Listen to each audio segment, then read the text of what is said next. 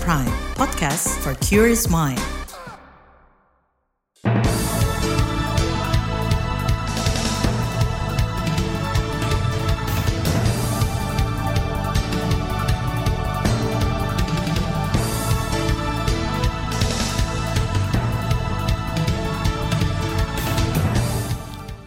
Selamat pagi saudara, senang sekali kami bisa menjumpai Anda melalui program Buletin Pagi edisi Jumat 10 Februari 2023. Saya Naomi Liandra. Sejumlah informasi pilihan telah kami siapkan di antaranya Indonesia darurat kekerasan seksual pada anak. Kejaksaan Agung memanggil Menkominfo terkait proyek BTS Bakti. Warga Jayapura butuh rumah tahan gempa. Inilah Buletin Pagi selengkapnya. Terbaru di Buletin Pagi. Saudara, angka kasus kekerasan seksual pada anak meningkat dua kali lipat pada tahun lalu, yakni 9.500-an kasus. Pada 2021, angka kasus sebanyak 4.100-an. Data ini disampaikan Ikatan Dokter Anak Indonesia IDAI dalam sebuah acara diskusi kemarin. Menurut Ketua Satgas Perlindungan Anak IDAI, Eva Devita, anak-anak korban kekerasan seksual sering kali merasa malu, sehingga memicu keinginan untuk mengakhiri hidupnya. Kondisi itu didasari akibat tekanan berat yang dialami para korban. Sehingga anak-anak yang menjadi korban kekerasan di masa kecilnya ini, mereka berisiko untuk mengalami kematian yang lebih awal dibandingkan anak-anak yang tidak mengalami kekerasan di masa kecilnya. Dan mereka juga ternyata empat kali lebih mungkin untuk mengalami uh, perilaku atau tindakan upaya bunuh diri. Lebih besar kemungkinannya untuk kemudian melakukan hubungan seksual sebelum di usia 15 tahun. Empat setengah kali lebih mungkin mereka mengalami depresi. Ketua Satgas Perlindungan Anak IDAI Eva Devita menambahkan anak-anak korban kekerasan seksual sering mengalami gangguan makan, sulit tidur, dan menjadi pemurung. Mereka juga cenderung menyalahkan diri sendiri dan sulit menjalin hubungan. Komisi Perlindungan Anak Indonesia KPAI menerima 4.600-an aduan sepanjang tahun lalu. Ketua KPAI Ai Mariati Soliha mengatakan pengaduan terbanyak adalah klaster perlindungan khusus anak, yakni 2.100-an kasus. Yang tertinggi ialah kasus anak korban kejahatan seksual. Jumlahnya lebih dari 800 kasus. Ini keprihatinan uh, luar biasa ya, karena berbagai data sudah menunjukkan sebetulnya bukan hanya uh, informasi yang dari disampaikan uh, melalui KPAI gitu. Nah, uh, saya kira ini yang uh, harus kita cermati data ini. Pertama tingginya animo publik ya untuk uh, melaporkan ke berbagai lembaga. Nah, ini harus kita uh, apa berikan sentimen positif gitu, uh, karena sesungguhnya fenomena uh, kekerasan uh, seksual ya kekerasan pada umumnya kepada anak-anak itu agak sulit terlaporkan dan ini menjadi fenomena gunung es. Ketua KPAI AI Mariati Soliha menambahkan anak-anak sebagai generasi penerus yang harus dirawat justru berada pada situasi dan kondisi memprihatinkan. Analisis KPAI faktor penyebabnya antara lain karena pengaruh negatif teknologi informasi, problem lingkungan sosial budaya kemudian lemahnya kualitas pengasuhan, kemiskinan keluarga, tingginya angka pengangguran hingga kondisi tempat tinggal yang tidak ramah anak. Pemerintah mengklaim sistem pencegahan kekerasan seksual pada anak sudah cukup baik. Asisten Deputi Perlindungan Anak dari Kekerasan di Kementerian PPPA Ciput Eka Purwanti menjelaskan sistem itu salah satunya tercantum di dalam Peraturan Presiden tentang Strategi Nasional Penghapusan Kekerasan Terhadap Anak itu seperti halnya urusan-urusan yang lain terkait perlindungan anak yang bertanggung jawab melaksanakan seranas itu adalah pemerintah pusat dan pemerintah daerah. Kemudian apa sih yang berbeda seranas ini uh, dengan upaya-upaya pencegahan sebelumnya?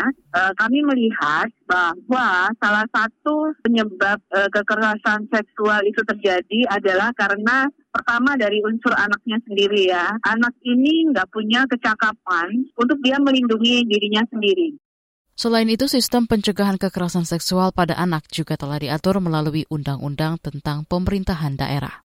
Belait ini membagi kewenangan pemerintah kabupaten kota terkait pencegahan kekerasan seksual pada anak.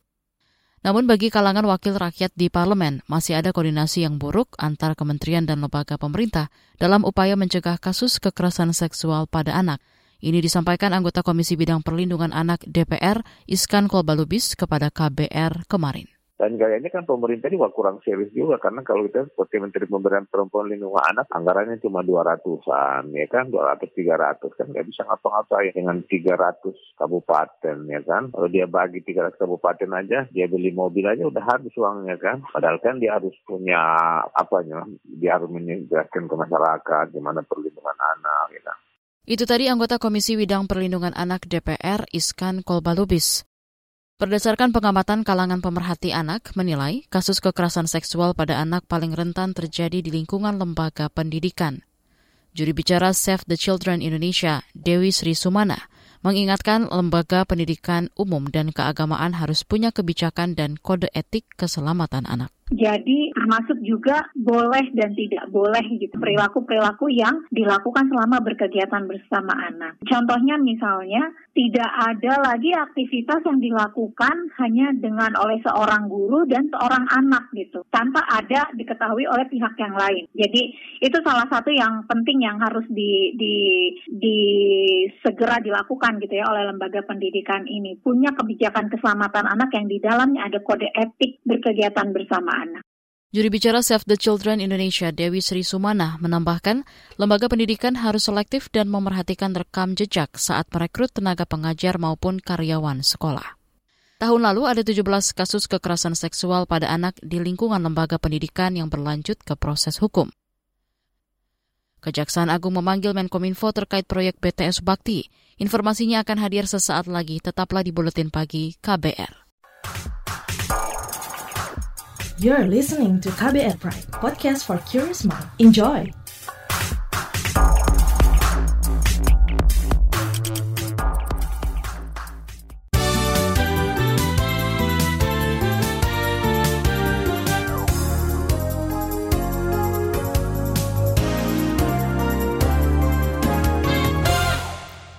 Anda sedang mendengarkan Buletin Pagi KBR.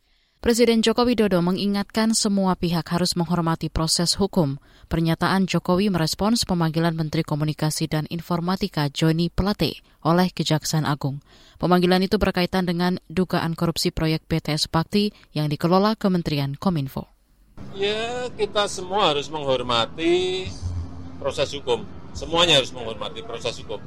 Itu tadi Presiden Jokowi. Sebelumnya, Kejagung bakal memeriksa Menkominfo Joni terkait kasus dugaan korupsi pembangunan BTS 4G tahun anggaran 2020 hingga 2022.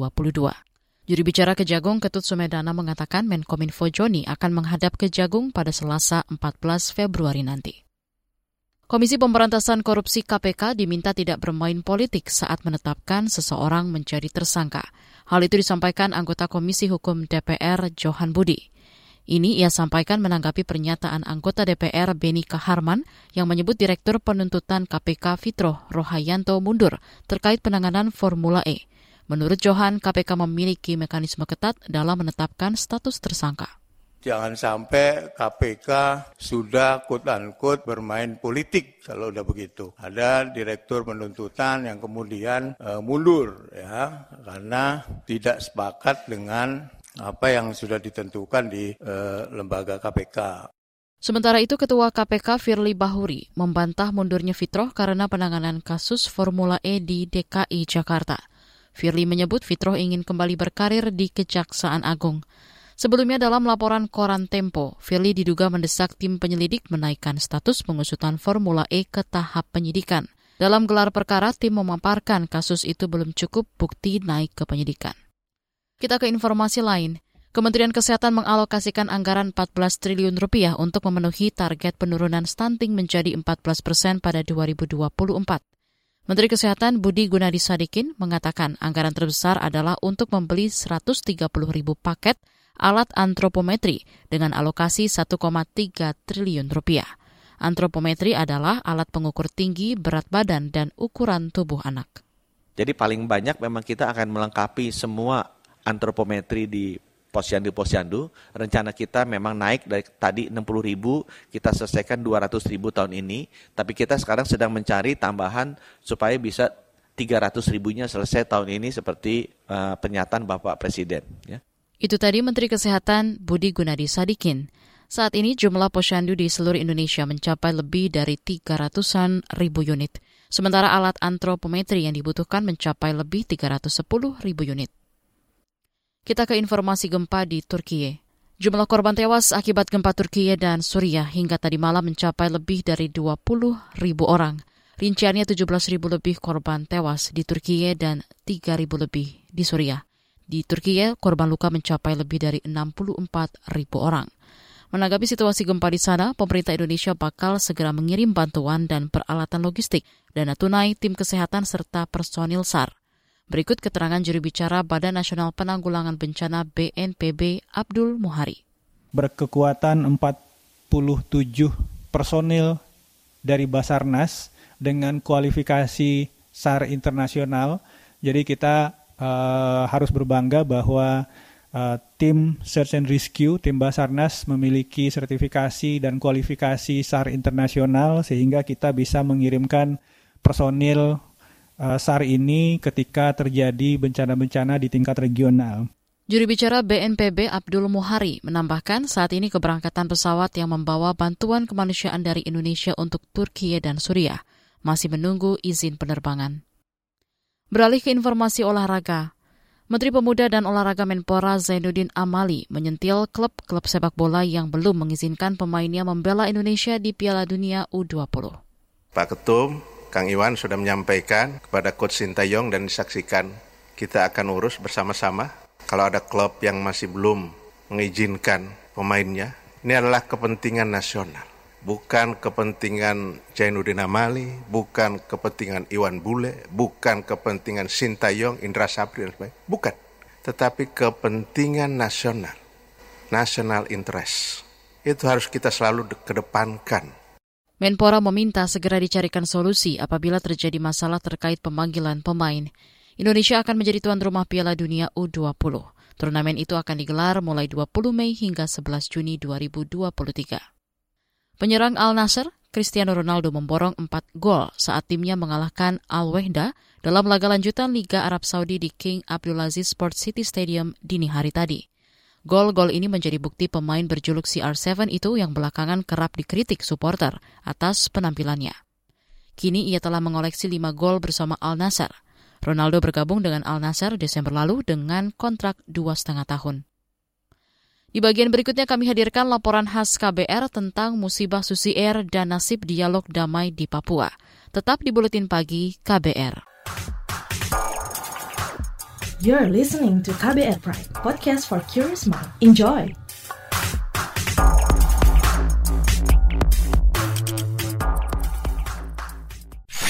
Commercial break. Commercial break.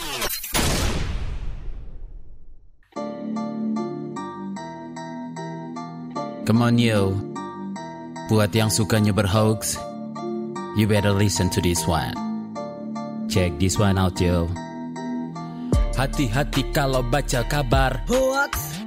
Jangan langsung disebar kabar yang Hoax. Kalau mau tahu kabar benar atau Hoax. Dengerin cek fakta yang pasti bukan Hoax. Dengerinnya setiap Senin yang jelas bukan Hoax. Cuma ada di kbrprime.id dan aplikasi podcast lainnya. Hoax.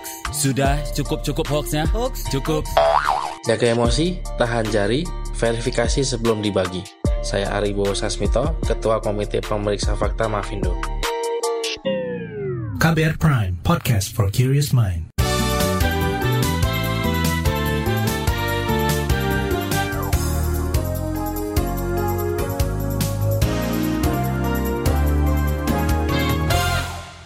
Anda masih bersama kami di Buletin Pagi KBR. Saudara, selama puluhan tahun konflik dan gangguan keamanan di Papua belum dapat terselesaikan. Dari bentrok senjata antara aparat dan kelompok bersenjata hingga serangan terhadap warga sipil. Berbagai pihak meminta pemerintah terus mendorong dialog damai Papua. Simak laporan khas KBR disusun Syafira Aurelia. Berbagai media baik dari dalam dan luar negeri pekan ini menyoroti kasus penyanderaan pilot pesawat Susi Air di Papua. Peristiwa terjadi setelah pesawat mendarat di lapangan terbang distrik Paro, Kabupaten Duga, Papua Selatan awal pekan ini. Pelaku diduga dari kelompok bersenjata pimpinan Egyanus Kogoya. Pesawat itu juga diduga dibakar kelompok tersebut. Kapolri Listio Sigit Prabowo mengatakan masih melakukan upaya pencarian terhadap pilot. Uh, terkait dengan perkembangan dari pilot dan penumpang yang diamankan oleh KKB, saat ini memang sedang dalam pencarian. Kami tim gabungan dari operasi Damai Karten saat ini sedang melakukan operasi pencarian. Untuk hasilnya nanti akan kita informasikan. Menurut data dari Kepolisian Daerah Papua, pesawat yang disubsidi pemerintah Kabupaten Duga itu berangkat dari Timika dengan membawa lima penumpang. Menurut kepolisian, lokasi pesawat mendarat memang tidak dijaga aparat keamanan, walaupun wilayah itu merupakan wilayah kelompok bersenjata pimpinan Egyanus Kogoya. Klaim penyanderaan pilot Susi Air itu disampaikan oleh perwakilan Tentara Pembebasan Nasional Papua Barat atau TPNPB Organisasi Papua Merdeka. Namun informasi lain muncul dari Panglima TNI Yudo Margono. Yudo membantah kabar penyanderaan. Menurut Yudo, pilot pesawat yang berkewarganegaraan Selandia Baru itu menyelamatkan diri. Tidak ada penyanderaan. Yang pilot itu kan? Iya, bukan, bro. Enggak penyanderaan, dia kan ini menyelamatkan diri, selamatkan diri. Kalian nanti akan kita anu dengan pasukan kita untuk dievakuasi. Hingga saat ini nasib pilot pesawat itu belum diketahui. Perwakilan maskapai penerbangan Susi Air, Donald Faris mengatakan mereka terus berkoordinasi dengan aparat keamanan. Apakah kendala sinyal dan seterusnya tentu rasanya tidak ya. Karena Susi Air memahami juga area tersebut. Uh, kami belum apa kami uh, Susi Air itu sudah beroperasi dan jangka waktu yang cukup lama di daerah tersebut sehingga kami sendiri tidak yakin dengan klaim kalau melarikan kemungkinan yang bisa dilakukan adalah mengontakkan, mengabarkan di mana posisinya dan seterusnya dan itu tidak terjadi. Kasus serangan terhadap pesawat Susi Air membuat maskapai meminta pemerintah meningkatkan keamanan penerbangan ke Papua. Sedangkan kalangan masyarakat sipil mendorong pemerintah mengevaluasi pendekatan keamanan yang selama ini diterapkan di Papua. Pemerintah didorong untuk mengedepankan pendekatan dialog. Meski begitu, pemerintah berdalih kelompok Papua Merdeka enggan diajak dialog. Menteri Koordinator Bidang Politik Hukum dan Keamanan Mahfud MD mengatakan, meskipun dialog ditengahi atau dijembatani pihak lain, kelompok OPM tetap menolak ajakan dialog. Siapa tahu jadi penanggung mereka tidak mau dialog. Ditengahi oleh orang lain. Nah itu loh. Baiknya kita itu sudah ayo dialog. Mau minta anggaran ayo anggaran kasih dana khusus. Itu tapi ya mari kita ini jangan terlalu emosional kalau emosi pak kok tidak dibabat aja itu kan gampang aja bukan begitu caranya mengelola negara gitu dibabat salah tidak dibabat ya banyak masalah seperti ini. Tapi mari kita pelan-pelan. Ini kita menyelamatkan satu nyawa manusia itu sangat penting. Mahfud juga menyayangkan ada pihak yang mendorong pemerintah bertindak agresif di Papua. Ia menegaskan pemerintah sejak dulu terus mengedepankan dialog di Papua. Ia juga menyesalkan tuduhan pihak-pihak yang menganggap pemerintah tidak melakukan komunikasi dua arah. Sementara itu, tokoh masyarakat adat Papua meminta agar pemerintah membuka diri dalam menyelesaikan konflik dan krisis keamanan di Papua. Ketua Dewan Adat Papua Dominikus Surabut meminta pemerintah tidak menyelesaikan masalah Papua dengan caranya sendiri. Tidak ada cara lain. Cara itu harus dialog. Tidak bisa Jakarta dengan kacamatanya Jakarta untuk melihat Papua terus memaksakan tanpa melibatkan orang Papua. Orang Papua dalam kutip adalah bukan perpanjangan tangan dari negara, tapi para pihak yang sedang berkonflik harus melibatkan dalam satu tataran, lalu kita menyelesaikan persoalan. Laporan ini disusun Safira Aurelia. Saya Agus Lukman. Informasi dari berbagai daerah akan hadir usai jeda. Tetaplah bersama Buletin Pagi KBR. You're listening to KBR Pride, podcast for curious mind. Enjoy!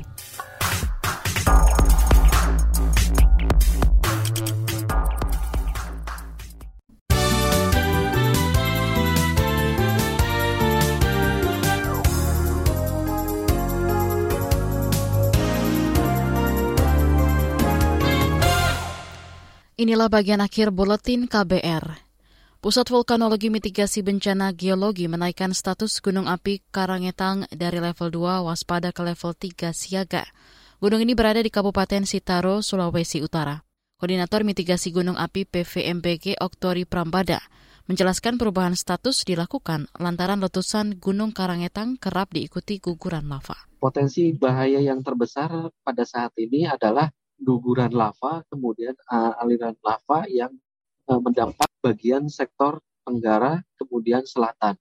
Sehingga dalam peta kawasan rawan bencana gunung api Karangintang, kami merekomendasikan agar tidak melakukan aktivitas apa pun pada radius 2,5 km yang berpusat pada kawah utama, kemudian di sektor tenggara dan selatan sejauh 3,5 km. Tadi malam, tiga kecamatan yakni Siau Tengah, Siau Timur, dan Siau Timur Selatan terdampak abu vulkanik Gunung Karangetang. BPBD Kabupaten Sitaro mengungsikan 16 kakak atau 73 jiwa dari Kecamatan Siau Tengah. Lokasi pengungsian sementara ada di kawasan Gereja Dompase. Gunung api Karangetang, Sulawesi Utara pernah erupsi pada 2015 dan 2019. Gempa bermagnitudo 5,4 mengguncang Jayapura, Papua kemarin siang. Empat warga tewas tertimpa bangunan kafetaria dan sejumlah infrastruktur rusak terdampak gempa. Badan Meteorologi, Klimatologi, dan Geofisika BMKG mencatat sejak 2 Januari lalu terjadi 1079 kali gempa di Jayapura.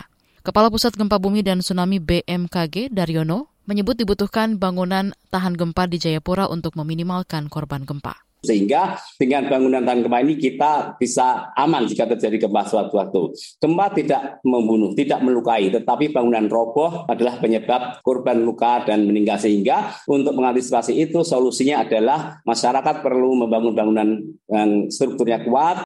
Itu tadi Kepala Pusat Gempa Bumi dan Tsunami BMKG, Daryono. Majelis Hakim Pengadilan Negeri Jakarta Barat menolak seluruh sanggahan atau eksepsi yang diajukan tim penasihat hukum bekas Kapolda Sumatera Barat, Teddy Minahasa Putra. Teddy didakwa menjual sabu sitaan hasil tangkapan Polres Bukit Tinggi, Sumatera Barat. Berikut keputusan Hakim Ketua John Saragi dalam persidangan perkara tersebut kemarin. Menyatakan eksepsi keberatan dari penasihat hukum terdakwa tidak dapat diterima dan ditolak. Tiga, menetapkan bahwa pemeriksaan perkara atas nama terdakwa Teddy Minahasa Putra bin H. Abu Bakar tetap dilanjutkan. Itu tadi Hakim Ketua John Saragi. Sementara itu, Jaksa Penuntut Umum menyatakan bakal menghadirkan bukti dan saksi pada agenda pemeriksaan Senin pekan depan. Sebelumnya eksepsi diajukan penasihat hukum Teddy Hotman Paris Hutapea. Hotman menilai surat dakwaan jaksa tidak cermat dan tidak sesuai syarat Kitab Undang-Undang Hukum Acara Pidana. Informasi tadi menutup jumpa kita di Buletin Pagi hari ini. Pantau informasi terbaru melalui kabar baru, situs kbr.id, Twitter at berita KBR, podcast di kbrprime.id. Saya Naomi Liandra bersama tim yang bertugas undur diri. Salam.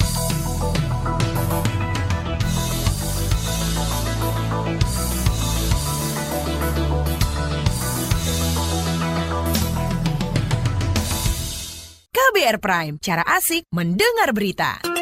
KBR Prime, podcast for curious mind.